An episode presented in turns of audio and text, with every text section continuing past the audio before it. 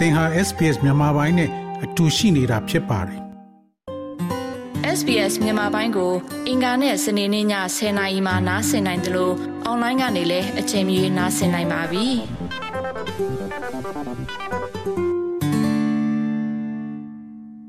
ပြန်တွေးလိုက်တိုင်းမျက်ရည်တပေါက်ချင်းစီးကျလာရတဲ့အထိဝမ်းနဲ့နာကျင်မှုတွေကိုသိခံမျိုးသိရင်ဒေါ်နီတယောက်သူ့ဘဝကိုဖျက်ဆီးခဲ့တာဆယ်စုနှစ်နှစ်ခုနီးပါးရှိပါပြီ။ လွန်ခဲ့တဲ့16နှစ်ဒီလိုအချိန်2004ခုနှစ်ဒီဇင်ဘာ26ရက်မှာတော့အင်အားကြီးရိုက်ခတ်ခဲ့တဲ့ဆူနာမီရေလိုင်းတွေအောက်ဒေါ်နီတို့မိသားစုဘဝအစိတ်စိတ်အမွားမွားကြေးမွပျက်စီးခဲ့ရပါတယ်။အသက်10နှစ်အရွယ်သမီးအကြီးဆုံး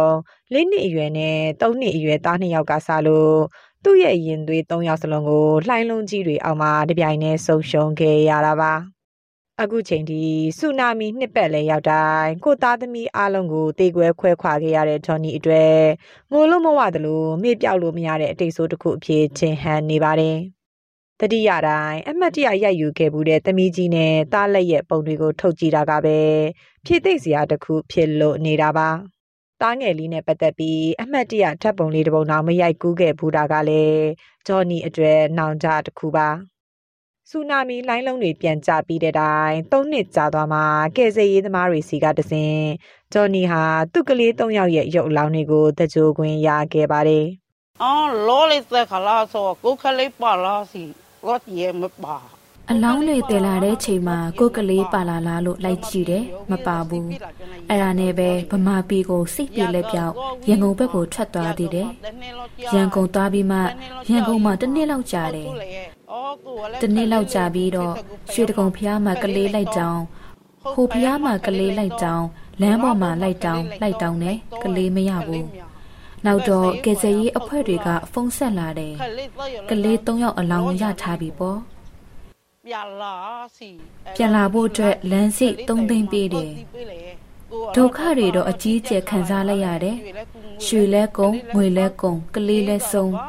ရှစ်ရည်အတွက်ဘာတစ်ခုမှမရှိတော့ဘူးဘယ်နေရာမှနေမပြောဘူးကျမကလေးတွေကဒီမှာပဲတည်သွားကြတာကိုဒီမှာပဲနေပျော်တယ်ဘယ်နေရာကလက်ခေါ်ခေါ်မသွားဘူးကလေးတွေကိုပဲတန်းတနေတာကိုကိုကခလေးလေးပဲကိုတာတာနေကိုဒေါ်နီကြုံတွေ့ခဲ့ရတဲ့ဒီရင်နစ်စရာအဖြစ်အပျက်ဟာထိုင်းနိုင်ငံတောင်ပိုင်းမှာဖြစ်ပွားခဲ့တာပါ ဂျော်နီလိုပဲမြန်မာနိုင်ငံကနေထိုင်းနိုင်ငံတောင်ပိုင်းပင်လယ်ကမ်းခြေဒေသမှာအလုပ်လာလုပ်တဲ့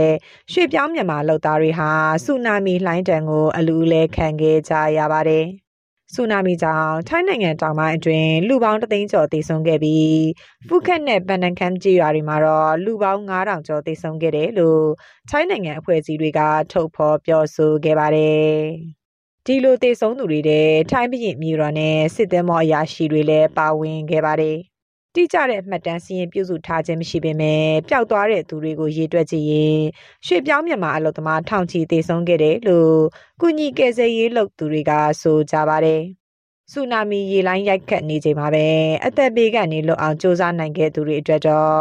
ဒီအဖြစ်ပြက်ဟာအခုချိန်ထိပြန်ပြောတိုင်းကြောက်မက်ဖွယ်အတွေ့အကြုံတစ်ခုဖြစ်နေတာပါ။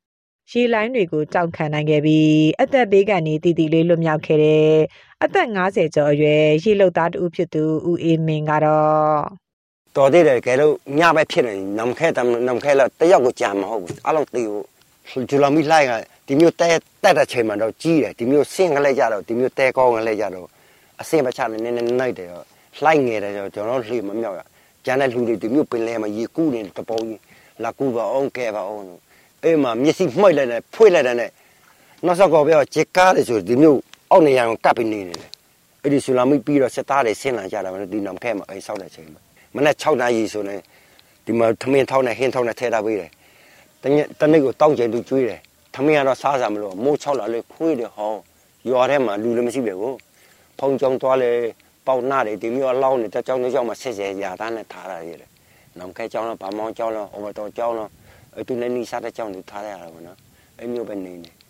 6လလောက်ကြာမှအိမ်နေပြန်ဖြစ်လာစစ်သားတွေစောက်ပိတ်တဲ့အိမ်ပြန်ဖြစ်လာမှအဲ့တော့မှမှလူတွေနည်းနည်းပါးပါးပြန်ချီလာတယ်ထိုင်းနိုင်ငံတောင်ပိုင်းကလက်ပတ်စရာနေရာတစ်ခုဖြစ်တဲ့ကဘာကျော်ဖုကတ်ကမ်းခြေမှာတော့ကဘာအနှံ့ကနေလာရောက်လက်ပတ်တဲ့နိုင်ငံသားတွေဟာလည်းဒီအဖြစ်ဆိုတဲ့အသက်ဆုံးရှုံးခဲ့ရပါတယ် ဆူနာမီအမှတ်တရအဖြစ်နဲ့တည်ဆုံးခဲ့ရသူတွေရဲ့အထိတ်အမှတ်ကြောက်တိုင်းတွေပြကန်းတွေနဲ့ရွာတွေထဲတင်ကြံခဲ့တဲ့တင်မော်တွေကိုတာဝန်ရှိသူတွေကထိမ့်သိမ်းထားကြပါတယ်။ဒါကြောင့်လဲဒီဇင်ဘာ26ရက်ရောက်တိုင်းဒီလိုအထိမ့်မှတ်နေရာတွေမှာနိုင်ငံအရရက်ကလွမ်းသူပန်းခွေနဲ့အတူဆူတောင်းပေးမှုတွေနဲ့အောင်မေတတိရကြပါတယ်။ဆူနာမီတင်းချိုင်းလဲဆောက်လုပ်ထားပြီးအတီးပြုတ်ဖို့ခက်ခဲတဲ့ပိုင်ရှင်မဲ့ရုပ်အလောင်း400ကျော်ကို အာနာပိုင်တွေကနှစ်အတော်ကြာမှစုပေါင်းမိတကြိုပေးခဲ့ပါတယ်။ဆူနာမီဖြစ်ချိန်ဟာစစ်အစိုးရဦးတန်းရွှေလက်ထက်ဖြစ်တာကြောင့်မြန်မာရွှေ့ပြောင်းလုပ်သားတွေအတွက်တန်ယုံကတစင်နိုင်ငံသားဖြစ်ကြောင်းအတိမတ်ပြုလက်မှတ်ရဖို့ခက်ခဲခဲ့တယ်လို့အလုပ်သမားတွေကဆိုကြပါတယ်။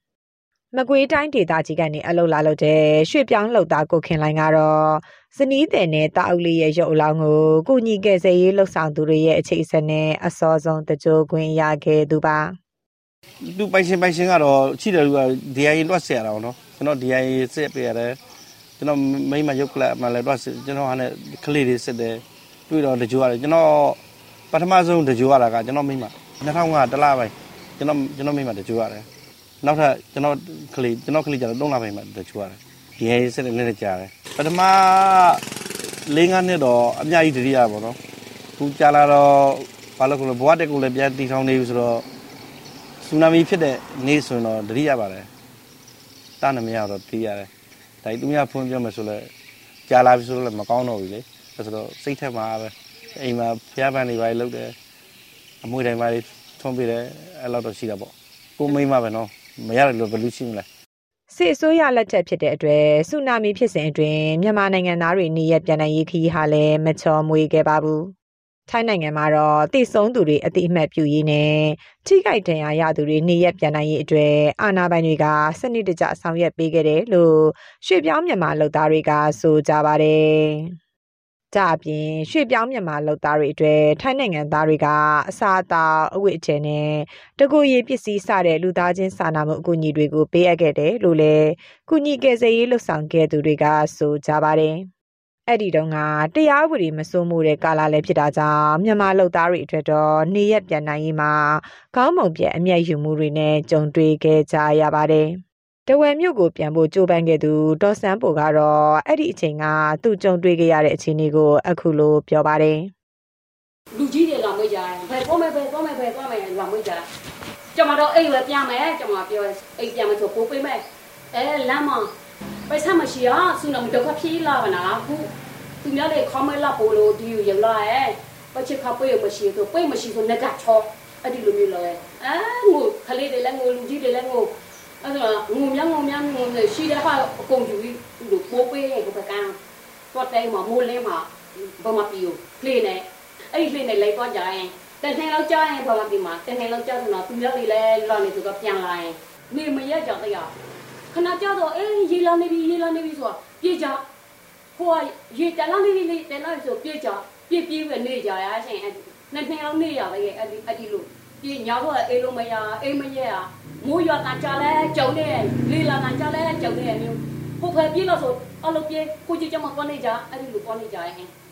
တရင်အချက်လက်နဲ့အင်တာနက်မဖွင့်ပြသေးတဲ့အတွေ့2004ခုနှစ်လောက်ကထိခိုက်ခံစားရသူတွေဟာဆူနာမီကြိုတင်အသိပေးချက်ကိုမရခဲ့ပါဘူး။နောက်ပိုင်းတော့ထိုင်းနိုင်ငံတောင်ပိုင်းမှာကြိုတင်သတိပေးအချက်ပြတဲ့တွေဆူနာမီဖြစ်လာရင်ပြေးဖို့လမ်းညွန်ဆိုင်ပုတ်တွေကိုကြေးရွာတိုင်းလမ်းတိုင်းမှာထားရှိထားပါတယ်။ မိသားစုတွေတေကွဲကွဲကြရတဲ့ဆူနာမီဖြစ်စဉ်ပြီးတဲ့ထိတိုင်မြန်မာရွှေ့ပြောင်းလုပ်သားနဲ့မိသားစုဝင်တွေဟာရင်ဆိုင်ခဲ့ရတဲ့စိတ်တရားနဲ့အကြောက်တရားတွေကိုအသားကျဖို့အချိန်ယူနေရစေပါဒီလိုစိတ်တန်ရာတွေကိုပြန်လည်ကုစားဖို့နဲ့ပြန်လည်ထူထောင်နိုင်ရေးအတွက်အထောက်ပံ့တွေကိုလည်းမြန်မာနိုင်ငံသားတွေဟာခေတ်အဆက်ဆက်အစိုးရစီကံနေမရခဲ့ကြပါဘူးမြန်မာနိုင်ငံတွင်2008ခုနှစ်မေလအစောပိုင်းမှာဖြစ်ခဲ့တဲ့နာဂစ်ဆိုင်ကလုံမုန်တိုင်းဖြစ်စဉ်မှာလည်း အစိုးရရဲ့တာဝန်ယူမှုတာဝန်ခံမှုမရှိတဲ့လုပ်ရက်ကိုမြန်မာပြည်သူတွေကြုံတွေ့ခဲ့ရပါတယ်။ဆူနာမီကယ်ဆယ်ရေးလုပ်ငန်းတွေမှာကိုယ်တိုင်ပါဝင်ဆောင်ရွက်ခဲ့တဲ့ပညာရေးနဲ့ဖွံ့ဖြိုးရေးဖောင်ဒေးရှင်းအမှုဆောင်ဒါရိုက်တာဦးထွတ်ချစ်ကတော့ကိုယ်နိုင်ငံသားတွေကိုစနစ်တကျကာကွယ်စောင့်ရှောက်မှုပေးနိုင်တဲ့အစိုးရရန်ရာတွေတိစောက်သိပြီလို့ဆိုပါတယ်။ဘလို့ပဲဖြစ်နေဖြစ်အစိုးရကောင်းသည်ဖြစ်စေမကောင်းသည်ဖြစ်စေအစိုးရရဲ့အခမ်းကဏ္ဍအသိအရေးကြီးတယ်။ဟိုရှစ်ပြောင်းလုပ်သမားတွေကိုကျွန်တော်တို့ကကာကွယ်စောင့်ရှောက်တဲ့ ဟိုပေါ့ရန်တရားပေါ့ဗျာဒီအစိုးရတွေနဲ့ဒါကောင်းကောင်းကောင်းရှိရမယ်လို့ကျွန်တော်ကျွန်တော်အနေနဲ့ဒါဒီဇိုင်းမမပဲပြောနေတယ်ဒါမှပဲကျွန်တော်တို့ကကြံတဲ့ပတ်သက်တဲ့အစိုးရတွေပေါ့ဗျာဥပမာထိုင်းမှာဆိုလဲထိုင်းအစိုးရနဲ့သူတို့ပြောမယ်မလေးရှားဆိုလဲမလေးရှားစင်ကာပူဆိုလဲစင်ကာပူဟောပို့ပြီးတော့ထိရောက်တဲ့အကောက်ဝယ်ပေးမှုတွေရလိမ့်မယ်နောက်တစ်ခုက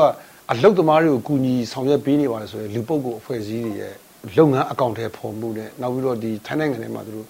ချမှတ်ထားတဲ့ကျွန်တော်တို့စီမင်းစည်းကမ်းတွေဥပဒေဘောင်တွေကနေပြီးတော့စနစ်တကျလဲ လုံနိုင်ကြတယ်မှုလိုပါမယ်နောက်တစ်ခါတော့ကျွန်တော်တို့ဒီအလုပ်သမားတွေကလည်းသူအချင်းချင်းဟိုပါပေါ့ညီညီညွတ်ညွတ်နဲ့ပူးပေါင်းဆောင်ရွက်မှုတွေပေါ့နော်အဲ့ဒီဟာတွေတော့ကျွန်တော်တို့ဟိုနီလန်းဆိုတော့ဟိုပြင်ဆင်ပေးမှပဲဒါနောင်ဖြစ်လာမယ်ကျွန်တော်တဘာဝဘေးရနေဖြစ်ဖြစ်လူလုတဲ့အနေပဲဖြစ်ဖြစ်အဲ့ဒါတွေကိုကျွန်တော်တို့ဟိုစနစ်တကျအကောက်ဝယ်ပေးနိုင်မယ်လို့ကျွန်တော်အနေနဲ့ပြောချင်တယ် ဆယ်စုနှစ်နှစ်ခုတိုင်ကြာခဲ့ပေမဲ့ဆူနာမီအမှတ်တရနေရာတွေမှာသက်ဆိုင်ရာနိုင်ငံအသီးသီးကအတိအမှတ်ပြုထားတဲ့တင်ငေတာတွေကိုတွေ့ရပေမဲ့မြန်မာရွှေ့ပြောင်းအလုပ်သမားတွေအတွက်တော့မပါဝင်ခဲ့ပါဘူး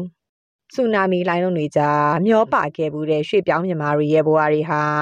ဒီနေ့ထိတိုင်မေ့လျော့ခံရမှုတွေကြားဆုံးရှုံးခဲ့ရသူတွေကိုလွမ်းဆွတ်တန်းတနေကြရစေပါဒီသတင်းဆောင်မကိုတန်လွင်ခက်ကပေးပို့ထားတာဖြစ်ပါတယ် sbs.com.au/bemis ကို home နေရာမှာထားပြီးတော့အမြဲတမ်းနှာစင်နိုင်ပါတယ်။နောက်ဆုံးရသတင်းတွေ၊စောင်းမားတွေနဲ့စစ်တမ်းတွေမှာပါဝင်ပြီးတော့ဆက်သွယ်မှုလုပ်နိုင်ပါတယ်။ sbs.com.au/bemis ဖြစ်ပါတယ်ရှင်။